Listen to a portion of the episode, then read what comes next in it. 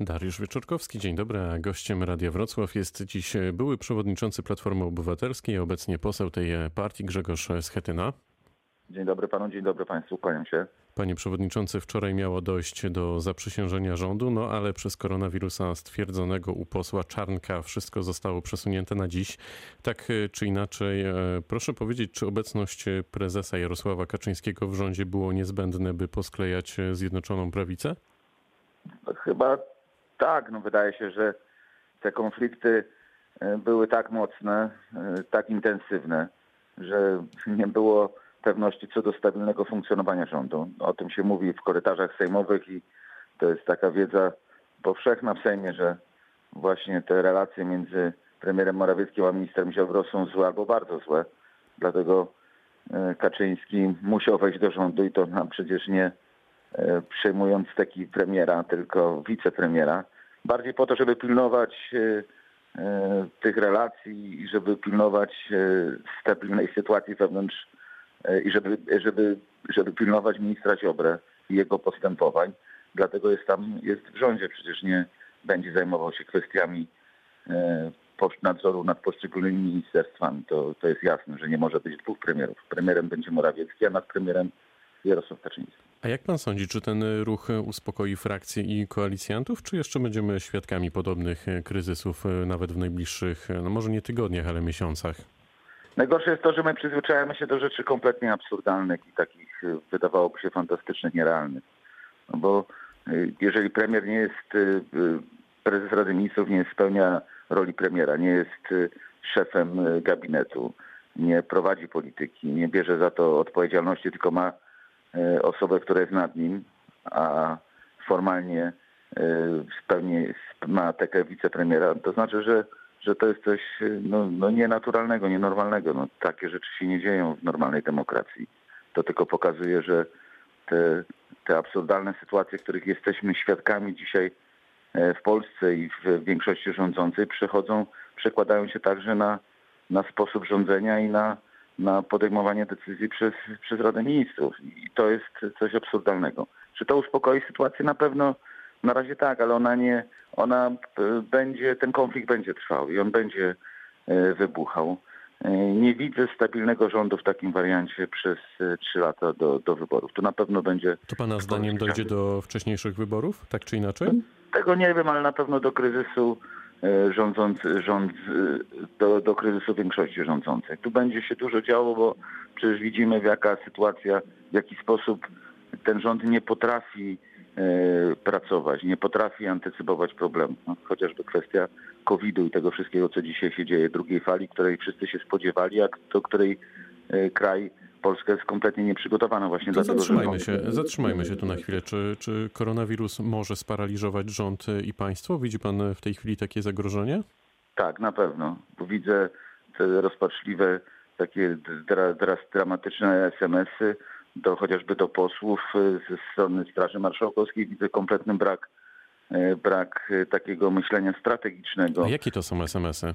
No, no to jest kwestia, wie pan, no to jest kwestia tego, że eksplozja zarażonych, zakażonych e, polityków, ministrów, za chwilę parlamentarzystów, posłów czy, czy senatorów będzie coraz bardziej doskwierać tych... A ma pan w tej chwili takie informacje, o jakiej liczbie możemy mówić, nawet nie, no, procentowo? No, no, mówię o Zgorzelskim, na przykład o marszałku Zgorzelskim, prawda, który brał udział w kilkunastu spotkaniach z kilkunastoma czy z kilkudziesięcioma E, politykami, posłami, senatorami, wicemarszałkami, też marszałkami, to wiadomo, że to jest ta, po prostu ta skala jest e, ogromna, jest zakażony i, i teraz tak naprawdę ci wszyscy, którzy mieli z nim kontakt, powinni być dzisiaj na kwarantannie. Jeżeli tak e, przeprowadzilibyśmy to wszystko tak bardzo dokładnie i restrykcyjnie, no to absolutnie większość czy, czy spora część Sejmu, Senatu byłaby wyłączona z, z funkcjonowania. To nie wystarczy samoizolacja, tu nie wystarczy kwarantanna, tutaj musi być system, którego nie ma. Rząd nie przygotował y, naszego kraju na drugą, drugi etap y, koronawirusa, o którym mówiło się przez, przez miesiące wcześniej, a który był tak naprawdę wiadomo, że on nastąpi, wiadomo, że to, wiadomo, że to będzie jesień, no ale kampania wyborcza i, i polityka spowodowała, że po prostu tym się nie zajęli. A kto się ma, tym, kto się ma zajmować przygotowaniem kraju do, do skutków pandemii, czy do pandemii w ogóle, jeżeli nie rząd, Ministerstwo Zdrowia, Główny Inspektor Sanitarny. Ten pokaz nie, niekompetencji i braku umiejętności widzimy od lutego tego roku.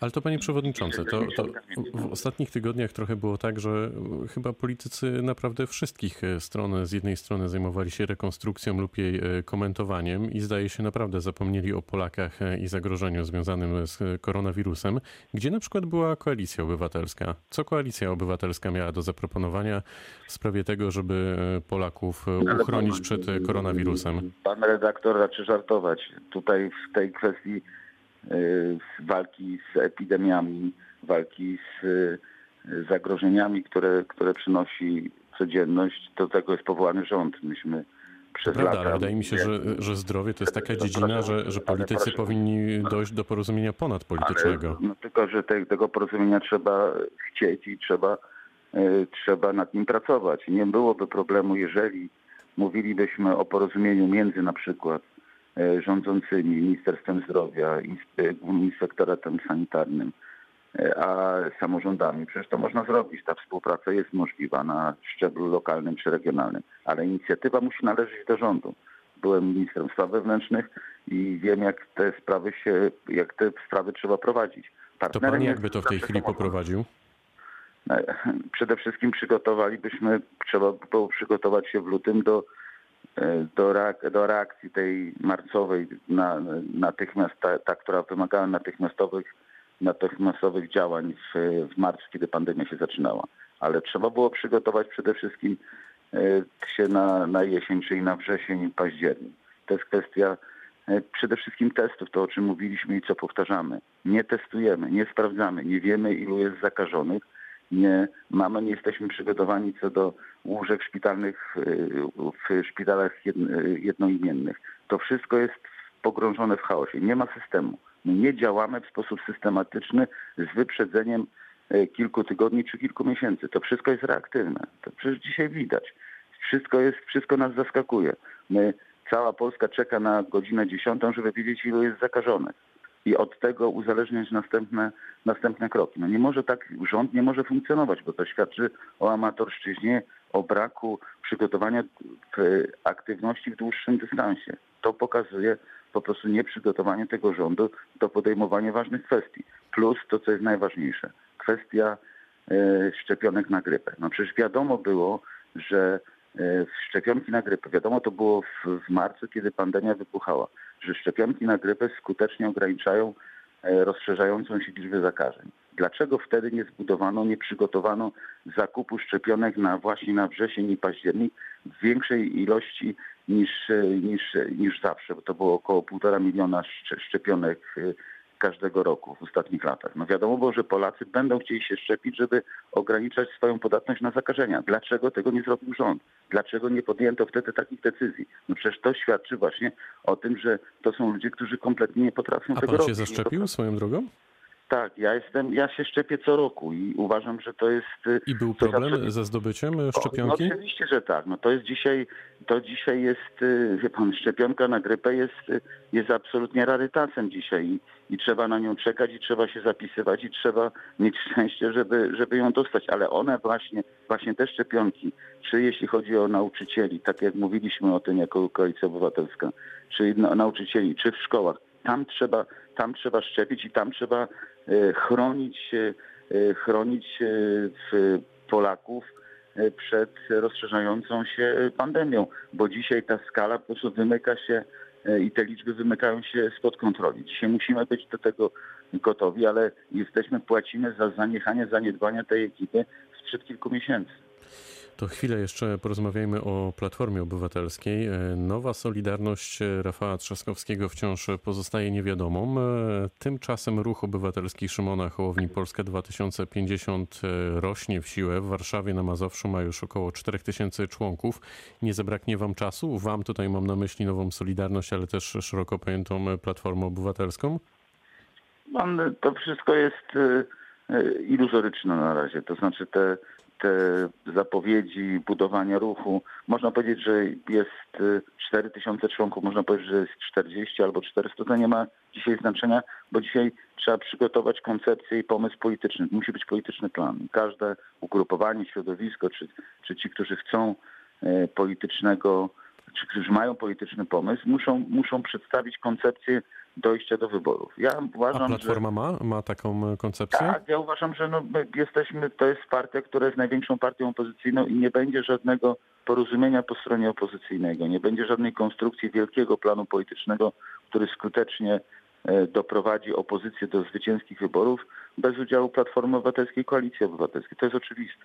I dlatego my dzisiaj jako Platforma musimy to, ten, ten plan przygotować i nad tym prace, e, prace trwają. A Nie pracuje szukałbym- również e, gabinet e, cieni Platformy Obywatelskiej w tej chwili? To jest y, gabinet cieni, był formułą zeszłego, zeszłej kadencji. Dzisiaj sekretariaty, te sekreta, sekre, sekretariaty programowe powo- powoływane przez żadą, zarząd będą tworzyć y, taki, nie chcę powiedzieć, znaczy coś, co będzie sprawiało, miało charakter gabinetu cieni, tylko nie będzie tak nazwane. Ta formuła gabinetu będzie przepracowana, przekształcona, składała się z nie, nie z y, szefa e, e, z szefa gabinetu i z poszczególnych jego członków i zastępców, ale z większej e, liczby posłów, senatorów, e, także samorządowców. Więc to będzie inna formuła, która zostanie w perspektywie najbliższego czasu przedstawiona. A w Pana ocenie Platforma wymaga naprawdę radykalnych zmian, jakiegoś takiego twardego resetu?